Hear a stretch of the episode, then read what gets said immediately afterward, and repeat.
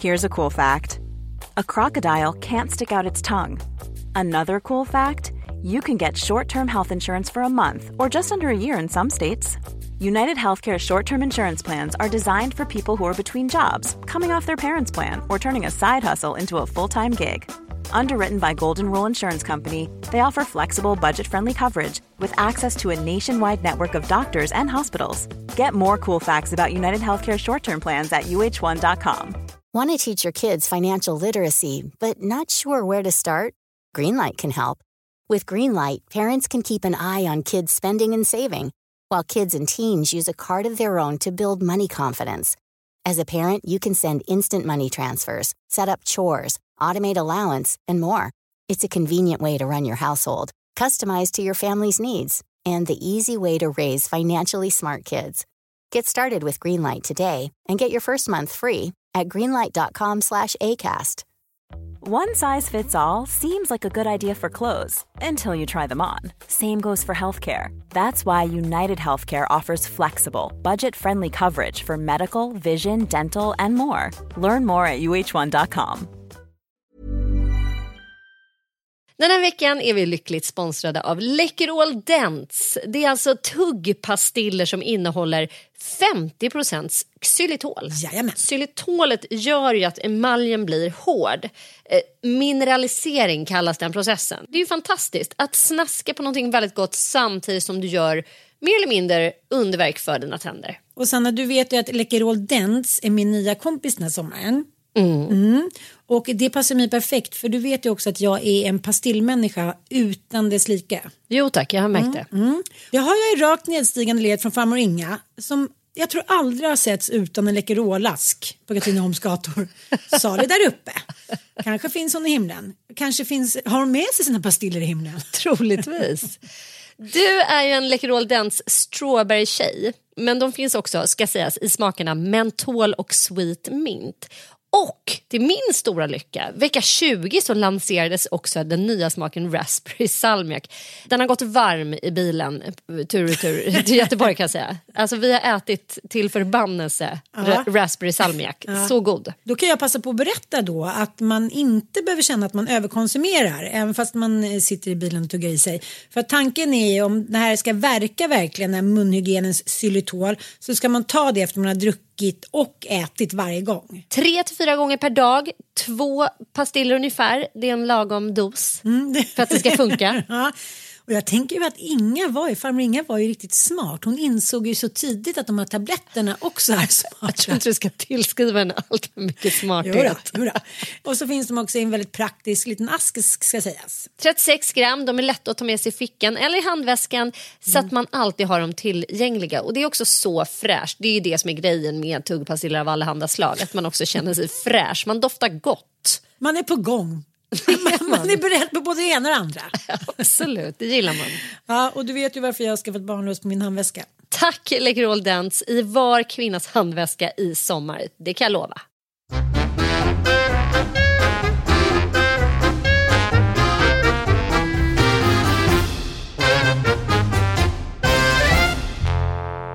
Hej och välkomna till Inte din morsa. Hur mår du? Du ser, du ser inte stark ut. Jag är påtänd. Ja. Det är mysigt kanske.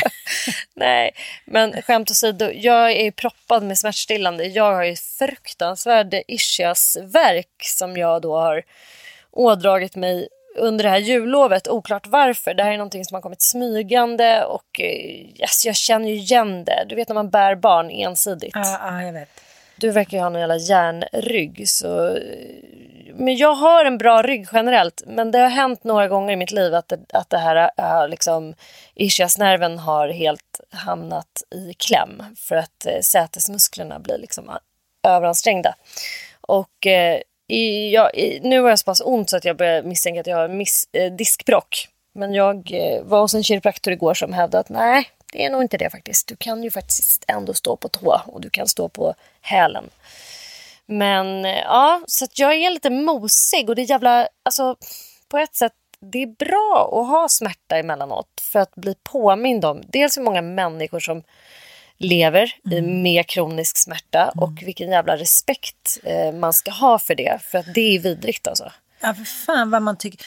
Det är det enda man kan tänka på. Att leva Ja, men man kan liksom inte tänka Nej. klart. Man är bara så helt upptagen av att försöka parera. Man blir också så trött i kroppen för att kroppen hela tiden går och spänner sig och liksom försöker förutse var det ska göra ont och jobba med undvikande hela tiden. Så att kroppen blir bara som en, en, en spänd fjäder typ.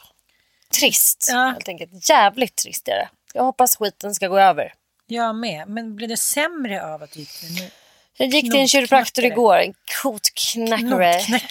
Ja, men det kan det ju bli. För han tryckte också på triggerpunkter. Dels så, så gjorde han ju några, alltså han öppnade några låsningar och det är ju skönt. Det är ju liksom att eh, lederna, eh, när de är överbelastade eller vad man ska säga, så är det ju som att eh, det blir som en lite, han förklarar du vet när det knäpper i leden så här, och det är det som händer när de knäcker. De knäcker ju ingenting, men det är en liten gasbubbla inne i leden. Och det är det som, när man liksom knäpper loss så försvinner den där gasbubblan och så får man liksom en litet större mellanrum mellan leden och ja, mellan benen helt enkelt. De knotorna som sitter i varandra. Gud vad jag inte kan så här läkarspråk men ja, du fattar vad jag menar.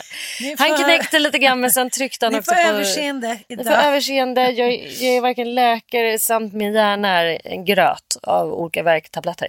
Men han, eh, han tryckte också på, på triggerpunkter. En sjuk grej gjorde han. Gjorde han? Ja, har du någon gång fått massage genom magen? Nej. Han liksom, för att komma åt mina höftböjare så trycker de liksom in i, under revbenen precis. Man bara shit, du kommer ju trycka sönder ett organ. Ingen fara, de är undvikande. Organen flyttar på sig. Och då kommer man liksom in i en höftböjare, alltså en ryggmuskel. Fast inifrån om du fattar. Från magsidan. Gud, vilken konstig Och känsla. helvete vad de var ansträngda kan man säga. Så där höll han på att gojsa då när jag låg och bara i stort sett skrek när han kom åt de där höftböjarna. Det var en mycket märklig upplevelse. Som att han var i huvudet på John Malkovich. Han var in... Han var i min kropp och bara grottade. Så jävla sjukt.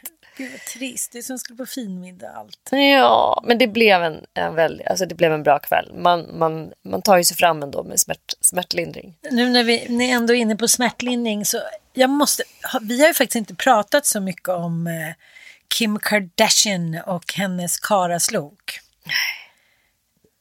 Alltså han har gjort så mycket galna grejer senaste tiden så att, ja men nu, nu Kim Kardashian är gift med Ke- eh, Keanu, vad, hur det. Keanu West. Keanu West. Kanye, Kanye, Kanye West. Bra, bra. Han fick då för sig eh, att han skulle bli president. Mm, just det. Ja, eh, här för några månader sedan. Och hon eh, var så här, okej, ehm, det kanske inte är så bra idé det här. Det här men sen visade det sig att han var ju mitt uppe i, i ett bipolärt liksom, skov. Och eh, mitt under den här presidentkampanjen så bara släpps, släpper han allt och börjar berätta om deras privatliv. Att hon har försökt stänga in honom och att de eh, skulle abortera ett av sina barn. Och han, jag har nästan mördat min dotter. Ja, Men du vet, man såg ju också hans rådgivare runt omkring, fotograferna och journalisterna. De bara så här, okej vad gör vi? Så ska vi bara stoppa en spruta i han... Ska vi lyssna lite? We talked about her not having this child. She had the pills in her hand. Do people know these pills? Where you take the pills and if you take it, it's a wrap. The baby's gone.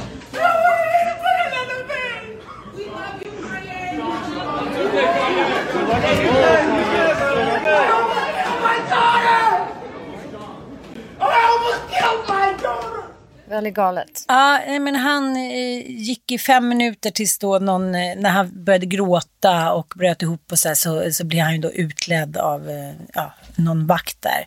Och det här tyckte ju Kim inte var jätteroligt att liksom, ja men han sänkte ju, han kallade ju liksom henne, ja men i stort sett för mördare och hennes familj, att de försökte låsa in henne. Han var liksom, ja, det var inte bra. Men eh, så de har inte firat jul tillsammans och eh, Ja, men nu, igår så, så, påstod ju media då att de ska skilja sig. Men, men innan, det- är så många som det har tagit så lång tid för att få sina liksom, ja, men, Diagnoser. diagnoser. Det behöver ju inte bara vara bipolaritet, men när man hamnar i ett skov sådär och får den där ångesten.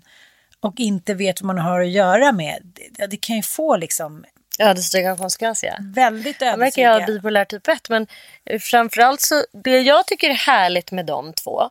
För att när han ville bli president det var ju ändå eh, i somras tror jag. Och då gick ju hon ut på sin Instagram och förklarade liksom helt rätt upp och ner. Så här, tycker jag skolboksexempel. Dels att hon inte skämdes för honom. Och dels att hon inte skämdes hos sina egna vägar. Dels att hon eh, verkligen så här, bara betraktade honom eh, som eh, väldigt sjuk då. Liksom var inte emotionell kring sig själv eller kring... Eh, otroligt eh, spännande och tycker jag så här, eh, ett fantastiskt. För att det är så lätt att läsa in liksom att han är elak mot henne och att han är... Men eh, det ligger ju i eh, manins natur. Dels att man inte har någon självinsikt oftast och att man upplever ju världen på ett helt annat sätt. Alltså mm, att man har vanföreställningar helt enkelt. Och, och gärna då om och kring människor som står en nära.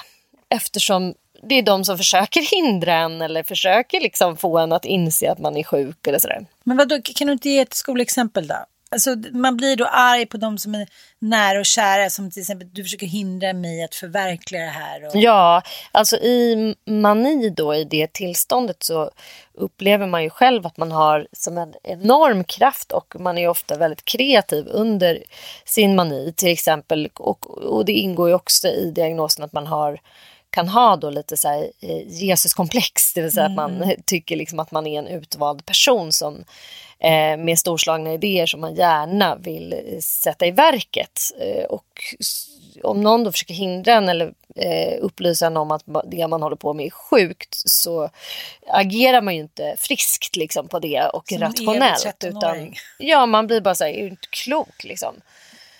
Eh, och det där är ju en väldigt berusande känsla. Jag tycker, är man intresserad av att förstå den där känslan då, då tycker jag också man kan lyssna på Linda Boström Knausgårds sommarprat. Där hon berättar om hur en mani liksom debuterar eh, i henne. Att hon helt plötsligt börjar se buskar och träd som brinner. Alltså det är ett jävla coolt tillstånd helt enkelt. Det är ett Hela magnetiskt är tillstånd. uppbyggd på det. Jag och liksom Bipolära he- människor som har suttit skrivit ner sina syner. sina sy- syner och så. här. Ja, men det finns ju i vissa kulturer där man inte har då våran västerländska tolkning av eh, de här symptomen. Så i vissa afrikanska kulturer, jag kommer inte ihåg eh, om det var någon så här kenyansk, jag för mig det, när man har liksom studerat. För det man vet är att bipolär sjukdom finns det är representerat överallt och historiskt så finns det liksom beskrivet ända tillbaks till romartiden. Men den finns eh, i, över hela världen i alla kulturer. Men man kan liksom tolka in det här eh, tillståndet och då menar man eh, i vissa kulturer att det här skulle vara eh, människor som har kontakt med andevärlden. Och även personer då med schizofreni, att de har en upphöjd position i eh, sina samhällen för att de eh, ser saker som vi inte ser och sådär. Skönt. Så det, det är ett sätt Ja, att, att tolka ja. det. Det är ett man, fint sätt. Ja, det är ett fint sätt. Men, Det kan ju eh, vara rätt också. Ja, men eh, jag kan ju verkligen förstå att hon eh, inte orkar dela livet med honom eh, eftersom han verkar vara eh, omedicinerad alternativt att det liksom inte riktigt fungerar med medicinering. Och, för när man blir så här upprepat väldigt, väldigt sjuk på det där sättet så mycket måste vara skitjobbigt. Det är väldigt svårt att vara så kallad liksom, insiktsfull eller också aka storsint. Att man alltid... Ja, men hon har ju som du säger, hon har gjort det väldigt kliniskt när hon har beskrivit hur det här har gått till. Så här, han var sjuk, ni måste förstå. Eh, men det- det är klart att man kan bli sårad ändå. När någon står och säger här saker. För det är ändå det är inte påhittade saker. De pratade ju om att abortera sin dotter. Så att, det- det- nej, jag tycker att det, det är knivigt det där alltså. Och det Ja. är en sjukdom precis som alkoholism och liknande. Så det, det, det är svårt att anklaga någon. Jag, jag vet inte hur jag skulle reagera liksom. Nej, men det, det tror jag inte. Alltså, innan man förstår att det är en sjukdom så pågår det ju under flera år liksom, eh, missförstånd och, och just det där att man tar saker och ting personligt. Och jag kan bara säga för min egen del att jag tycker det har underlättat mitt, mitt liv så otroligt mycket. Både när det gäller Eh, alltså nu har ju inte Micke några regelrätta manier eftersom han är medicinerad. Har inte haft det på många, många år. Men innan han blev det, då tog jag ju verkligen allting personligt. Jag kunde inte se vad som var, vad som var mani och så att säga vad som var och det som det också ingår i, i, i den bipolära diagnosen att man blir liksom väldigt gränslös och man kan bli gränslöst elak, man kan bli gränslöst liksom kärleksfull, man kan bli gränslöst affektiv. Alltså, aff, aff, affekter är ju känslor liksom, så att alla typer av känslor blir ju extremt överdrivna. Liksom. Och de, infallen tycker jag, så här, ja, men den erfarenheten jag har, man bara, jaha, nu ska vi åka dit helt plötsligt. Nu ska vi, alltså att, Ja, men det är noll konsekvensanalys mm. och är, man har ju sällan tankar på dels långtgående konsekvenser man är helt ointresserad av när man befinner sig i det där tillståndet. Liksom. Det är ju väldigt mycket eh, nu och här och jag och liksom vilja och sådär. Men jag tycker nog vanföreställningarna är det som är obehagligast. Mm. Eh, det ingår ofta olika typer av så här paranoier. Ja. Att man liksom börjar tro att andra människor vill en illa eller att andra snackar skit om en. Och det hade ju min mamma väldigt mycket och det var ju på ett sånt sätt så att man inte riktigt såg det. Det är mycket lättare om någon är så här jag är förföljd av en gam som sitter uppe på en telefonstolpe och tittar på mig. Alltså det, Nej, förstår... ja, men det står en människa här. Men, men när det är bara så här, gud, ja, ja, När, man liksom, när verkliga människor, man börjar, börjar tolka in saker som inte stämmer. Man bara, jag tror att eh, bla bla bla är sur på mig. Bara, Nej men det är hon ju inte, varför, varför tror du det för? Äh, men hon sa så här på det här sättet och jag kunde mm. ana en viss ton. Man bara, men det här stämmer ju inte. Eh, det tycker jag är mycket eh, jobbigare. Just när liksom, vanföreställningarna är så pass nära verkligheten så att det är, det är svårt att veta om det är sjukt eller om det är friskt. Det tyckte jag var så jävla läskigt mot slutet när min mamma var så otroligt eh, bombad med medicin. Mm. Så att hon kunde liksom inte längre... Alltså hon hade ju sån smärta så de försökte ju bara så här ge henne liksom, ja, lite liksom frid inför vad som, ja döden är det ju. Och hon så skrev i sin dagbok så anteckningar och trodde att jag och pappa så här, ville åt henne. Och jag mm. var ju så ung, jag hade liksom ingen erfarenhet av det. Jag hade inte läst direkt någon psykologi. Eller liksom, mm. kunde, det, var ju, det är över 25 år sedan, det var ingen som pratade så mycket om, om liksom, psykisk ohälsa. Det är så här, mm. ja, men det, är så här, det stängdes bort och undan och självmedicineras hiten och ditan. Liksom. Och just den där vanföreställningen, den var så jävla läskiga. Som att leva i en liksom, Kafka-mardröm mm. på något sätt. Och man tog det som du säger, man tar det ändå personligt för att man blir anklagad. Ja. Mm, så det, är, jag håller, det är märkligt, men jag såg en intervju med honom där, där inte, ja, han frågade då eh, programledaren så här, ha, hur, gör, liksom, hur ser en kväll ut hemma hos er? Nej men först lägger vi alla barn och sen, sen går vi och lägger oss och vad gör du då? Nej men, eh, eller vad gör Kim då? Nej men hon kollar på någon såpa och jag ligger och läser Bibeln. Och, och, då tänker jag, jag har aldrig varit med om det, men... Du har aldrig om... haft en partner som ligger och läser Bibeln? nej, nej ja, det kanske jag har, jag vet inte. Men, men att man lever tillsammans med någon som man blir kär i, som är en viss personlighet. Mm. Och sen så en bit in, 1, 10, 15, 20 år, så blir en ett kanske frälst, två sjuk, tre ja, men, inte, vill bara ändra inställning och mm. bli någon annan. Mm. Och då ska man här, haka med på det fast man själv är typ ja, men den så svennen, bananen som man alltid har varit. Jag bara undrar hur jag skulle reagera. Jag tänker på i Kims fall då. Mm. Jag säger Kim nu eftersom jag aldrig vet. vet du är bästis med henne. Nej, men jag inte riktigt vet hur man uttalar. Kardashian. Ja, eh, hur man ska, att det ligger liksom en snubbe bredvid som så här, typ talar i tungor och det viktigaste i hans liv det är att så här, frälsa världen och läsa Bibeln. Mm. Och hon har mamma så här haft som en hank som så här mm. sätter på Sitter och så här röker lite weed och ja, är en så här skön så rappare typ. Med, fast också, ja, men haft ett så här jävligt nice liv med. Ja. Helt plötsligt ska man leva som en så här asketisk kvinna från 1800-talet typ. och det går liksom inte heller ihop med hela hans konsumtionstempo och hela deras liksom... Nej, det är dubbelt. Att liksom. det så här sprutas in extremt mycket silikon och prylar i rövarna. Alltså det, ja. det måste krocka så jävla mycket. Jag mm. håller med. Men det är också så här... Men ändå så verkar hon ju verkligen genuint älska honom och verkar vara så, här, så kär i honom. Ja. Så här, den bipolära kärleken bara upp, upp, ner. Nej, Men hon kanske är mycket mer jordnära än vad man kan tro. Och eh, att hon har... Eh, eh, hon är väldigt jag-stark. Att, eh, för, för det är väl den stora risken tänker jag om man lever med någon som bara helt plötsligt ska byta liv och by, byta personlighet och liksom tro att man... Och, och jag menar det... Jag tänker att anledningen till att man vill det är väl för att man har någon typ av själslig eh, smärta i sig som gör att man letar hela tiden efter någon vägen ut ur den. Eh, och det, så, så det är ju inte dugg konstigt liksom att man börjar läsa Bibeln och tro att man ska hitta lösningen där. Det skulle jag tro att många som mår dåligt har väl varit och nosat eh, på just så här olika typer av religiösa inriktningar.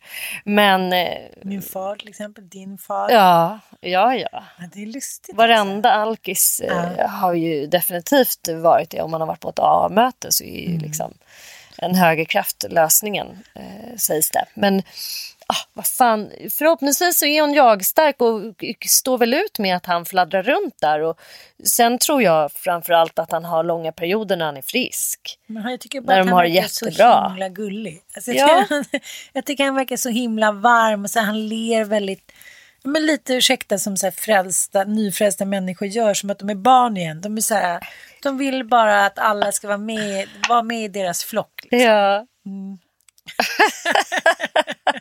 Jag kan bli ihop med honom, det är okej för mig. jag bara ibland så tänker jag så här, om jag skulle ha så där mycket pengar, ja, hur jag liksom skulle bete mig. herregud ja. Alltså jag tänker så här, jag tror både du och jag har känt det när vi har haft det som allra jobbigast med alla barn och män som kanske inte har stöttat på alla sätt och föräldrar som inte riktigt har funnits där och hitan och ditan. Att om jag hade haft liksom 500 millar på banken, då hade jag dragit för länge sedan. Då hade jag köpt min jävla villa på Lidingö, haft 50 nannies och liksom haft lite härliga lovers och levt, alltså du fattar att jag, jag, jag tror jag tror verkligen inte att jag hade tragglat på så länge. Nej, jag tror inte det. Jag tror inte det. Men vad då? Alltså, vad, vad är det som skulle göra det lättare menar du? Du, har ju ändå, så här, du är ändå självgående ekonomiskt. Ja, men Det är inte om, så jag, om, jag hade, om liv- jag hade haft big cash. Då hade jag så här, haft ett hus typ i Sälen, hade haft en villa, hade haft nannies. Alltså, jag har faktiskt tänkt på, på mig själv som så här, kvinna. Samtidigt som jag är så otroligt mycket behov av kärlek och så är liksom, jag tror inte att det handlar så mycket om den manliga kärleken som jag har fått för mig. Nej. Jag träffade en, en, en tjejkompis häromdagen. Eller hon, hon är en kompis för att hon är mamma till eh, eh, några av mina söners eh, barn och de leker mycket. Hon är ganska mycket yngre och så hon är liksom inte särskilt kär i sin kar. Hon, mycket så här, hon vet inte om hon ska vara ihop med honom hit och dit. Men när han reser bort, då är hon ett vrak. Hon sover liksom inte. Hon, till slut somnar hon så här femte natten så däckar hon. För att hon, hon klarar inte av att ligga vaken och sakna honom. Hon har liksom sånt hål från barndomen att så här, hon klarar inte av att sova själv. Trots att hon har barnen där. Hon har ju massa barn. Och det där kan jag känna igen från när mamma precis hade dött och jag var nyligen singel och pappa drack och liksom hade en kontakt med honom och min syrra. Det otroliga problemet med att somna. Ja. Att man var liksom, man kände sig så jävla ensam.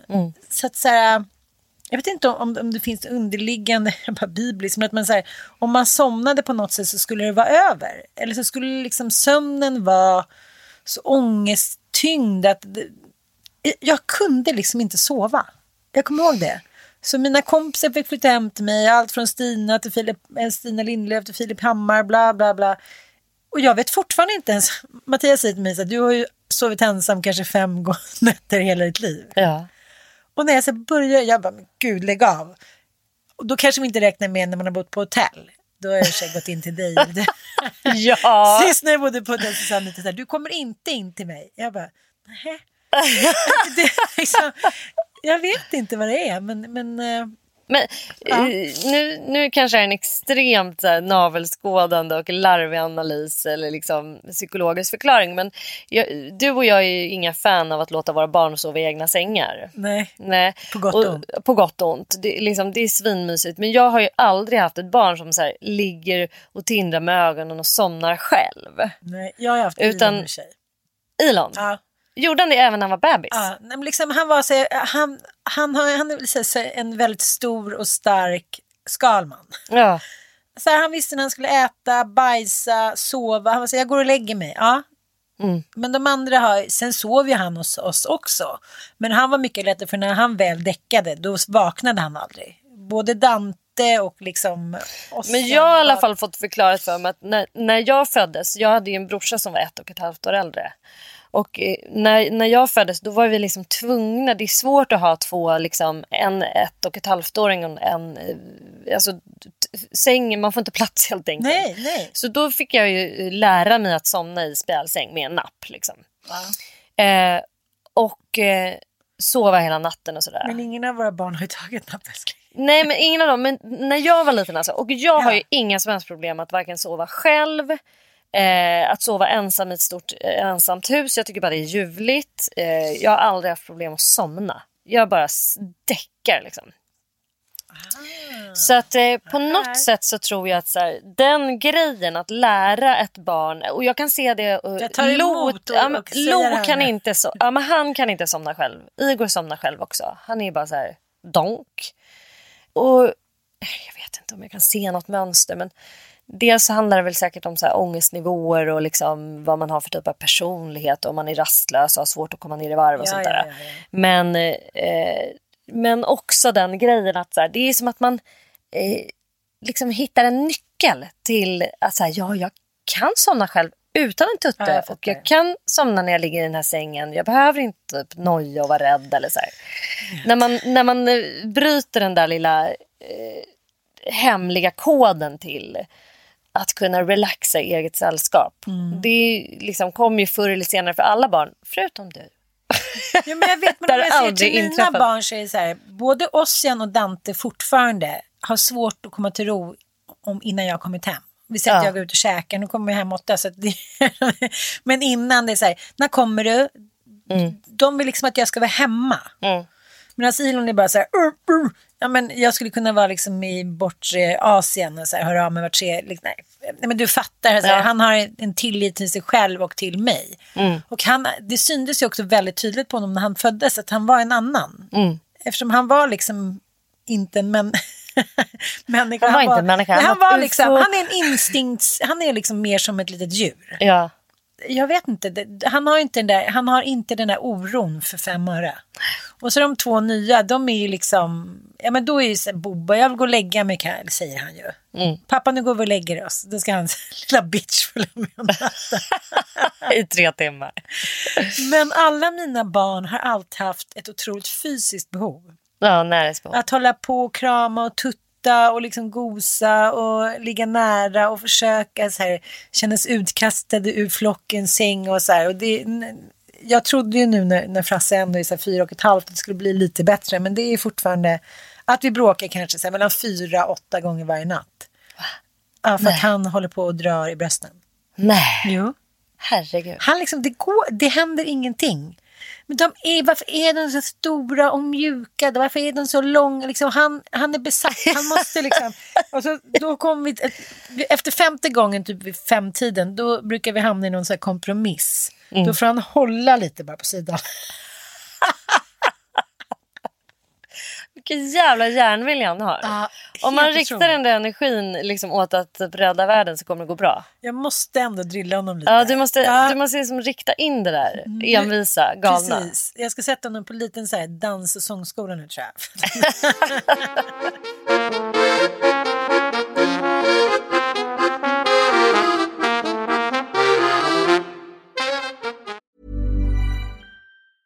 Hey, I'm Ryan Reynolds. Recently, I asked Mint Mobile's legal team if big wireless companies are allowed to raise prices due to inflation. They said yes. And then when I asked if raising prices technically violates those onerous two year contracts, they said, What the f are you talking about, you insane Hollywood ass? F- So to recap, we're cutting the price of Mint Unlimited from $30 a month to just $15 a month. Give it a try at mintmobile.com slash switch. $45 upfront for three months plus taxes and fees. Promo rate for new customers for limited time. Unlimited more than 40 gigabytes per month. Slows. Full terms at mintmobile.com. One size fits all seems like a good idea for clothes until you try them on. Same goes for healthcare. That's why United Healthcare offers flexible, budget friendly coverage for medical, vision, dental, and more. Learn more at uh1.com. There's never been a faster or easier way to start your weight loss journey than with PlushCare. PlushCare accepts most insurance plans and gives you online access to board-certified physicians who can prescribe FDA-approved weight loss medications like Wigovi and Zepbound for those who qualify. Take charge of your health and speak with a board-certified physician about a weight loss plan that's right for you. Get started today at plushcare.com slash weight loss. That's plushcare.com slash weight loss. plushcare.com slash weight loss. Hiring for your small business? If you're not looking for professionals on LinkedIn, you're looking in the wrong place. That's like looking for your car keys in a fish tank. LinkedIn helps you hire professionals you can't find anywhere else, even those who aren't actively searching for a new job but might be open to the perfect role. In a given month, over 70% of LinkedIn users don't even visit other leading job sites. So start looking in the right place. With LinkedIn, you can hire professionals like a professional. Post your free job on linkedin.com slash spoken today. Ja, fy fan vad härligt. Jag vet inte ens var vi började här och Nej, hur vi hamnade. måste Det här är typiskt, eh, vad ska man säga, morfin, eh, morfin eh, Härligt ändå. samtal. Det skulle jag vilja ha. Bara så här, få lite morfin, ligga i sängen, bli Bara babbla. liksom eh, matad, gå ner en 4-5 kilo, få vila och sen bara gå ut i april. typ. Ett klassiskt ide. Ja, men du, jag har faktiskt, skämt åsido, nu har jag gjort eh, eh, veckans uppgift. Jag lovade ju att jag skulle titta på dokumentären om min pappa. Eh, och komma med då eh, en, en egen blick på den. Och eh, jag har tittat och... För alla som inte vet, ni vet vem Sannas pappa är, men det har kommit en hyllningsdokumentär i två delar. Han- Men han fyller väl inte ens jämnt? Nej, det gör han inte. Han är 72, fyller han väl i år då. Ja, ja, men- 43. men- men ja, det har i alla fall kommit en dokumentär om honom som heter eh, Så mycket som eh, friheten eller ensamheten eller något sånt där va? Ja, dokumentär om Ulf Lundell i två delar. Och eh, han... Eh, jag vet att han själv inte är så nöjd med den här dokumentären. Vet du? För att han... Det sa han ganska tidigt i förloppet. Jag frågade ju då, när jag fick frågan om att vara med så ringde jag och, och pratade med honom och, och då var han extremt, han hade bara lagt det där bakom sig. Så här, Jaha, nej, äh, det där kan du göra som du vill, sa han. Eh, jag tänker inte titta. Och eh, äh, det där har jag redan lagt bakom mig. Eh, så jag vet inte om han själv Det var har ju inte sett ens den. färdiginspelat och han hade lagt det bakom sig. Jo, det var färdiginspelat. Det Ja, var du i- skulle bara komma som en liten extra... Ja, de ville ju träffa mig i december, liksom sent. Det var Okej. väl för att hon kanske hade fått någon typ av feedback eh, om att det inte fanns så mycket familj med. Men okej, jag förstår ju att man måste välja någon typ av vinkel eller någon typ av spår när man eh, gör en dokumentär om en person som har en så pass lång karriär bakom sig. Men jag måste säga att jag håller fullständigt med Johan Kroneman att det här kändes det eh, jag tycker att det känns som en så nekrolog, alltså om, om en person som är död. Johan Kroneman är ju tv-recensent på DN. Eh, DN och- Skrev en väldigt relevant eh, och eh, bra, tycker jag, liten recension om, om den här dokumentären. Ja, Kändisar och det, satt och, det stora behållet, vilket jag tycker var roligt, att det var även för så att säga, utomstående, det är att se de här smal, små smalfilmerna som eh, Joakim Strömholm då, som ju är fotograf och blev min pappas eh, bästa vän när de var unga. Alltså de små filmstruttarna är helt fantastiska och det, det är klart att det är relevant för mig som är släkt med honom och för mig att visa mina pojkar, titta så här såg morfar ut och titta vad lik han är och sådär. Men det, jag kan också se att det finns någon typ av allmängiltig eh, storhet i att se eh, se honom ur det perspektivet. Alltså att man får se en glad, eh, ung människa med extremt mycket livslust och så. här. Ett perspektiv som jag verkligen saknar och som jag tycker att det är så jävla konstigt att hon inte har gjort någonting mer på. För det jag tycker är storartat med min pappa och som gör att jag känner mig extremt stolt över honom, det är att han är en fullständig autodidakt. Han gick ju på riktigt liksom åtta år i folkskolan och kunde inte ens klara av att ta realen. Liksom. Och ändå så har han ju eh, skrivit liksom litteratur som i alla fall under de senaste åren har blivit hyllad inte bara av publiken utan av kritikerna. Jag tycker det är otroligt märkligt att hon inte lyckas hitta någon person som eller ens belysa det faktum att han kommer verkligen från pur arbetarklass. Det fanns ingen kulturell elit kring honom överhuvudtaget när han växte upp. Det var liksom min farmor och farfar och farfars mamma var liksom Men det berättar statarfru. de ju. Det berättar de ju. Ja. Men, men därifrån till så här, hur fan får han ge ut en skiva när han är 26 år? Mm. Och allting handlar ju förstås om Joakim. Joakim är son till Christer Strömholm. De träffas Sveriges av en slump. Ja, Sveriges mest kända fotograf. Och de träffas av en slump på eh, någon fest i ett sommarstugområde där min pappa växte upp. Och den här vänskapen har ju inte bara liksom, eh, en enorm betydelse för dem på ett personligt plan utan han är ju verkligen den kulturella nyckeln för min pappa. Och min brorsa sa det också, bara, men gud du förstår inte Christer Strömholm, det var liksom för pappa var det en, en så otroligt viktig person. För att alltså hela pappas hem, hela hans inredningsstil med alla så uppstoppade fåglar och hur det ser ut i hans hem. Det är så här rakt igenom kopierat från Christer Strömholm, hur det såg ut i hans ateljé. Så att liksom, han fick ju tillgång till, till kultur via, via Joakim och hans pappa på något sätt. Och det tycker jag så här, varför, eh, varför gör man inte bara några minuter om det? Det är skitintressant tycker jag. Att så här, det kan räcka med en enda människa eh, för att liksom öppna en hel värld. Och sen naturligtvis i kombination med att han har en enorm talang, att han har en enorm arbetsamhet och en enorm disciplin i sitt arbete som jag Helt också tycker otroligt. så här, att man bara, varför hoppar hon liksom lite över det? Eh, hans jävla rutiner att han så går upp klockan sju på morgonen och har gjort under hela mitt liv och sätter sig med en skrivmaskin Jag är så oavsett vilken dag det är. Jag är så impad av det. det, det där kan jag, ja. Det, det, och det, det gör ju så här, åh titta på den här katalogen hur mycket han har producerat. Ja, så här mycket har han producerat för att han är extremt arbetsam och disciplinerad i sitt, i sitt konstnärliga värv. Och jag tycker det också vore så intressant att så här, pinpointa det lite mer för den generationen som ska ut i arbetslivet nu som säkert sitter och tittar med sina Mm. föräldrar. Att så här, du behöver inte vara världens mest jävla begåvade människa. Nej. Så här, jobba på. Det spelar ingen roll. Blir 10 av 100 grejer bra så Mm. är det 10 bra grejer som du får uppmärksamhet för. Och så har, din, så har det varit lite med din pappa och Ja. särskilt med hans konst.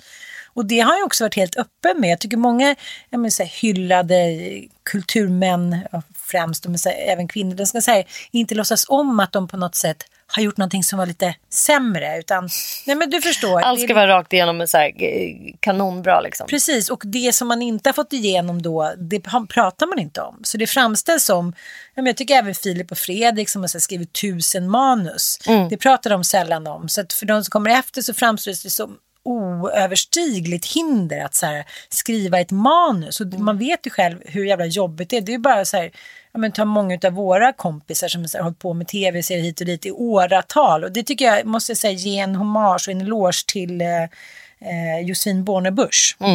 Som är så här, jag höll på med det här manuset Älska mig i åtta år. Ja. Och hon sa, jag trodde det var helt kört. Jag trodde aldrig att jag skulle få igenom det här. Jag bara kämpade på och tragglade på. Det är liksom fel och jag har själv blivit lurad av det där, att man bara så här, skickar in ett manus. så. Det har ju hänt oss också. Att man har haft flyt med det. Men, men det ligger också mycket hårt arbete bakom och det, det handlar som du och jag pratade om att om, om man gillar att skriva så är det inte bara att man skriver lite då och då och sen blir man ändå skitbra. Man måste liksom skriva varenda dag. Så att det, det är det här med disciplinen och det det är så man också utvecklar sitt språk och det är så man eh, blir bra genom att liksom öva, öva, öva, öva och traggla, traggla, traggla, traggla. Ja, men så det var en liten del och sen så kan jag ju verkligen hålla med om att eh, ja, till, den här, till hennes försvar då, dokumentärfilmarens försvar, det är att liksom jag ställde inte upp eh, och hans gamla flickvänner ställde inte upp så det, hon liksom fick ju nog bara skita i det spåret. Men samtidigt så finns det ju några så här, eh, direkt provocerande delar i dokumentären och det är bland annat liksom eh, att de har använt en bild som mamma tagit när pappa sitter med oss i, i en fluffig, härlig, väldigt så här, romantisk eh, säng liksom, när han sitter med sina tre barn. Så här. Ser väldigt fint. Ser väldigt fint, ser väldigt mysigt ut och det ser Harmoniskt. väldigt harmoniskt ut. Och Han liksom inte varit hemma på Ja. fyra månader. Nej. Nej. Och liksom den totala så här, frånvaron av att eh, eh, belysa åtminstone så här, ett par ord om liksom, min mamma. Det tycker jag är bara helt så här, man fattar ju ingenting av det. Det är, det är helt stört. Inte liksom. ett jävla ord. Nej, i synnerhet när typ hela hans produktion kretsar väldigt mycket, eller en stor del av hans största skivor kretsar ju väldigt mycket kring henne. Flertalet av hans böcker är dedikerade till henne. Det är liksom, ja men det är ett, det, det måste jag säga är absurt liksom. Ja. Ja, det är Men skitkonstigt. varför? Jag vet inte, hon valde nog bara bort det spåret. Jag, jag, jag har faktiskt ingen aning. Man blir blev- intresserad av att prata. Men Ja, jag sen tycker fattar. jag framförallt att så här, det blir väldigt konstigt eh, när man tittar. Och det kan jag verkligen råda er alla som, om ni är intresserade av så här, genusblick och genusanalys. Gå hem och titta på Älska mig för den jag är. Hette den inte det? Älska mig. Alltså om Josefin Nilsson som ju också faktiskt är var en stor konstnär. Men hennes då nekrolog, eller vad man ska säga, eh, hela eh, berättelsen om hennes liv är ju helt och hållet reducerad till att hon är en slagen kvinna. Typ. Och ett Eh, offer. och ett trasig. offer Hon och en trasig, syster. De har ja. alltid drabbat. De har alltid det har varit psykisk ohälsa Mm. genom alla år. De föddes nästan med psykisk ohälsa. Ja men Det liksom- allting handlar om det sjuka, det trasiga, Mm. eh, att de är offer. Och i stort sett ingenting handlar om hennes eh, konstnärliga briljans. Nej, och I alla fall, det är liksom klart övervägande på hennes personliga tragedi. Jag- jag och kan- jag skulle vilja säga att i min pappas liv så finns det exakt lika mycket tragedi, eller vad man ska säga, Mm, Eh, som i, i hennes liv. Liksom. Och det är bara helt ointressant att berätta om, tydligen. Why? Liksom? Jag fattar inte det. Nej, för det blir också några krumsprång i förklaringen kring hans då livsverk. För ett livsverk kan ju aldrig stå fritt från ens personliga liksom, livsverk om man säger så. Men, men det gör ju de här dokumentärerna. Det är det Ja. som blir så jävla märkligt tycker jag. För det, här, det visas ju oändliga bilder från när han eh, gör konserter. Han berättar att han är på turné hela tiden. Men han har ändå så här, tre fina barn och har en villa och en fru. Men, men att hon backar upp eller finns där eh, och är liksom någon form av, eh, ja, Men det är också intressant ur det perspektivet att i Josefin Nilssons eh, liv, eh, då använder man eh, den, det, det svåra artistlivet får bli en förklaring till varför hon är så trasig privat. Men när det gäller män då så handlar det väldigt sällan om att man ser det hårda artistlivet som en förklaring till att man är ett fuck up. Utan det är snarare tvärtom där. Liksom att man är ett fuck up för att man prioriterar sitt konstnärskap som ju anses då vara väldigt... Eh, eh, ja, man ska väl liksom vara jävligt tacksam att man får, får ägna sig åt det. Förstår du vad jag menar? Att så här, det, det, finns in, det finns inte någon sån analys överhuvudtaget. Att det på något sätt skulle då vara synd om min pappa för att det hårda konstnärslivet har gjort honom till en, eh, en person som är oförmögen att eh, handha kärleksrelationer till exempel. Eller som gör det helt omöjligt för honom att eh, ta hand om sina barn på ett liksom, adekvat sätt. Så. Det är ingenting, förstår du? Han är Ja, definitivt inget offer. Nej. Så fort vi pratar om kvinnor, det, då, då blir de offer i förhållande till sitt konstnärskap. Och eh, jag vet inte, Malin Wollin eh, skrev en så jävla bra krönika. Jag faktiskt satt och lipade lite idag. Hennes syrra hade ringt och bara du måste skriva om tillbaka på hos Ola Rapace. Och jag måste säga till Olas försvar nu när jag har eh, gjort lite research så har han ju pratat väldigt mycket om eh, varför det blivit så här och med hans barn och hittat förklaring till. Ja, men han har ju liksom gjort en avbön i varenda media senaste halvåret. Men, men det är som Malin säger så här att, att komma, eh, hon jämför det med att man måste vara, liksom, man måste vara som en typ som, tar hand, som en häst, att man måste, säga, man måste ta hand och sen får man havre. Man kan inte komma till premiären och snitta när barnen redan är klara och så här woohoo! Och det är ju ganska vanligt tycker jag i, i media att säga, ja men Paul, när pappa blev äldre då fick vi kontakt igen. Och Mm. Allt från liksom, eh, jag menar, Bergmans barn till Picasso till liksom, att de har ägnat så mycket av sitt liv åt skapandet och haft då sina muser som de då har slängt iväg när de är förbrukade hiten och diten. Det, ja, men vi behöver inte ens gå in på det. Eh, men sen på ålderns höst när fan blir gammal då, då kanske de förstår att de inte är odödliga. Då har de liksom sökt sig tillbaka. Och det, det är underbart att det går, men, men det väldigt sällan eh, en kvinna får den acceptansen och förlåtelsen av sina barn. Man är så här doomed for fucking ever, ursäkta mig. Men, men eh, jag tycker ändå att det är fint att man försöker. Jag, säger Men till syvende och sist så tänker jag så här. Om man är en frånvarande förälder oavsett om man är kvinna eller man. Det är liksom den som verkligen bär straffet för det är ju sällan barnet liksom. För att barnet får, liksom, är ju satt i världen och det är klart att det är ur ett barnperspektiv så, så är det ju såklart sjukt jobbigt att växa upp och känna sig kanske oälskad och osedd och liksom att man kanske hade behövt massa saker som man blev eh, förvägrad då på något sätt. Men, men sen väntar ju liksom ett vuxenliv där man faktiskt kan välja eh, precis hur man själv vill tackla sitt eget liv liksom, och man kan ta hand om allt det där. Så den stora förloraren är ju ändå föräldern. Ja, alltså, om jag tittar ja. på min pappa, han sitter ju faktiskt helt per definition ensam Mm, på sin gård.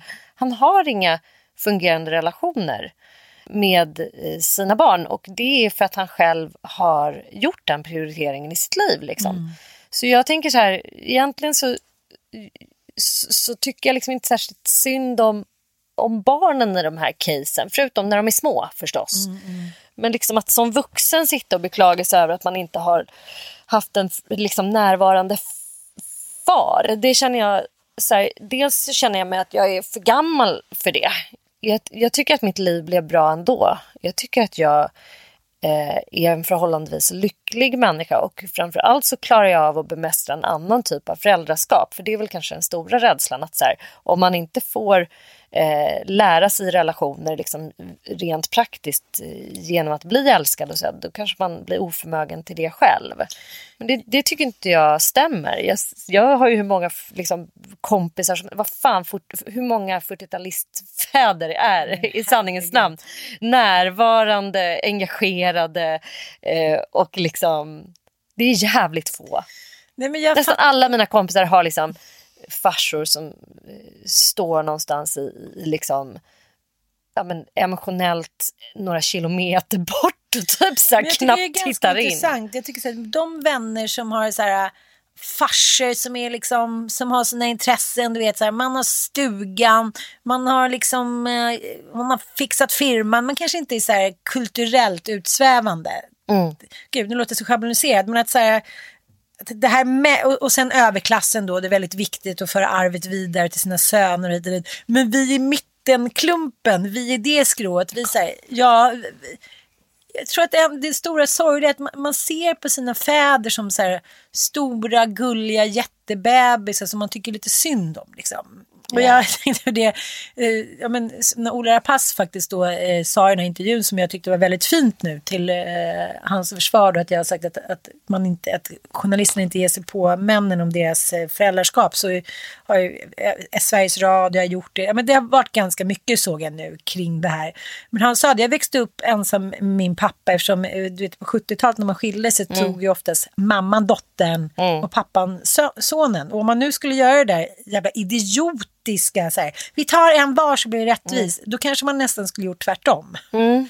För att han sa att min pappa hade ju ingen koll utan jag och grabbarna på gården vi fick ju liksom försöka ja, men, hitta någon väg till liksom moral, utbildning, brudar hit och dit. Pappa var ju bara så här Som Ja, en stor blob Ja bara. men som också män blir, de kan ju fastna i en sorg om de blir lämnade och så Mm. tar de sig aldrig därifrån. Det tycker jag är ganska vanligt liksom. Men, och det tycker jag känner igen från mitt ex också. Sen när han väl träffade tjejer Mm. så blev det liksom hans allt. Det blev hans räddning. Som han sa, det var de som lärde mig allt. Så när de började vända blicken mot något annat så blev det ju tilt liksom, och raseri och svartsjuka. Och Mm. jag kan förstå den där känslan för så kan jag ändå känna lite när, när Kaka söker maka. Att jag, jag tycker många smarta män som, är, som kanske är lite uppburna eller har en befattning, eller, fast kanske själva är lite uppfuckade från början, de väljer ju en kvinna som kompletterar dem. Mm. Som inte har något behov att stå vid sidan utan står ett steg bakom och är mamma och fru och hit och dit.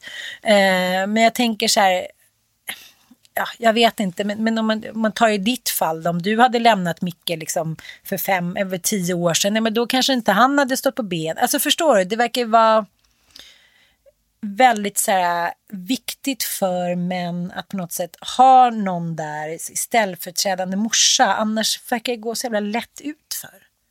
Mm. Jag vet inte. Det är Kanske här- annorlunda med vår generation som kommer nu. Men det är väl det. fortfarande så här att man inte fostrar män emotionellt till fungerande eh, liksom, var, emotionella varelser på något sätt. Att ta ansvar över sina relationer. Och jag brukar tänka på det ofta. Eh, jag frågar mina söner ofta så här.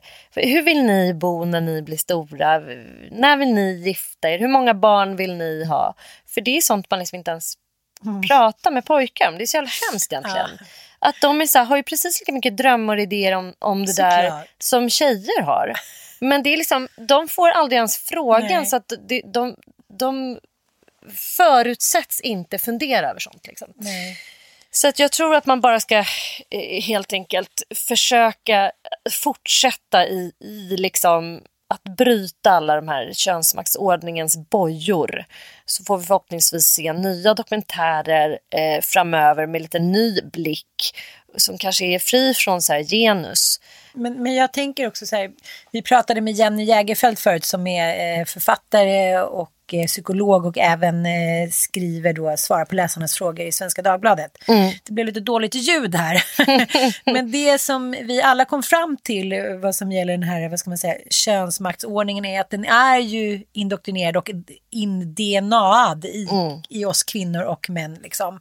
Men eh, jag skulle vilja bara eh, ge liksom, nästa generation både tjejer och killar efter jag sett den här dokumentären om Leonard Cohen och hans norska Marianne.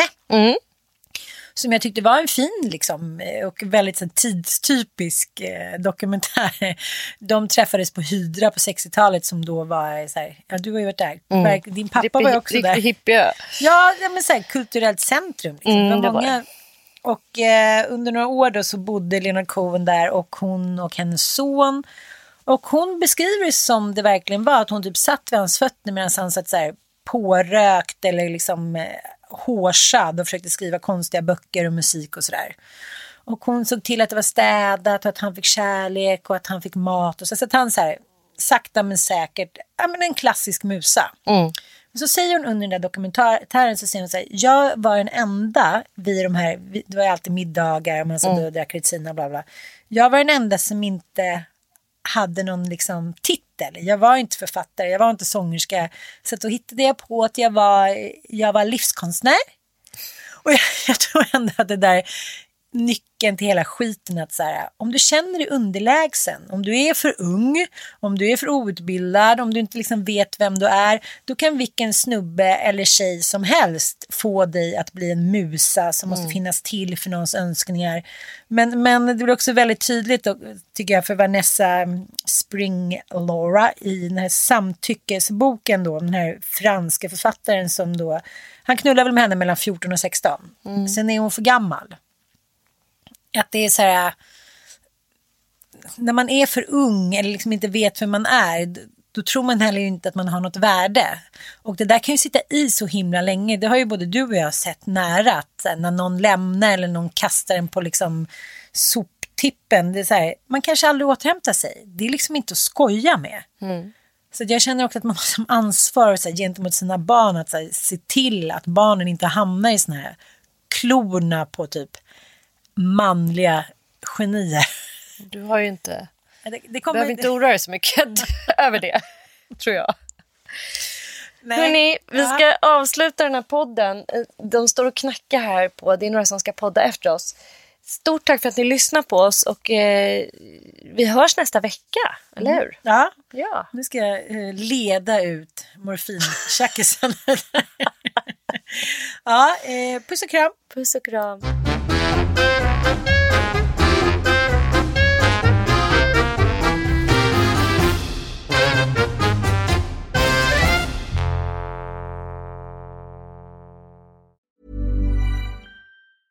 Hi, this is Kristen.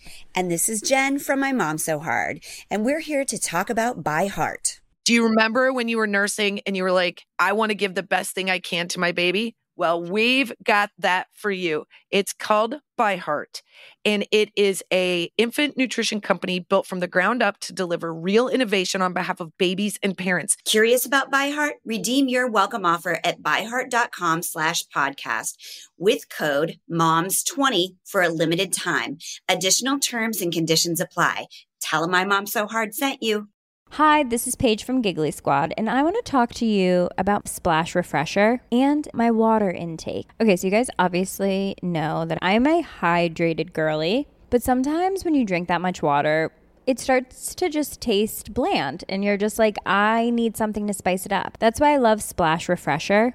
It has zero sugar, zero calories, and it's a splash of sweetness. And they come in five different flavors. They're so good. Wild berry, acai grape, pineapple mango, lemon, and mandarin orange. My favorite is the wild berry because I just I just love a berry. So if you're like me and you're drinking water all day, then try Splash Refresher. It's going to absolutely change your water game and it's good for you. Imagine the softest sheets you've ever felt. Now imagine them getting even softer over time. That's what you'll feel with Bowl and Branch's organic cotton sheets. In a recent customer survey, 96% replied that Bowl and Branch sheets get softer with every wash. Start getting your best night's sleep in these sheets that get softer and softer for years to come. Try their sheets with a 30-night guarantee. Plus, get 15% off your first order at bowlandbranch.com. Code BUTTERY. Exclusions apply. See site for details.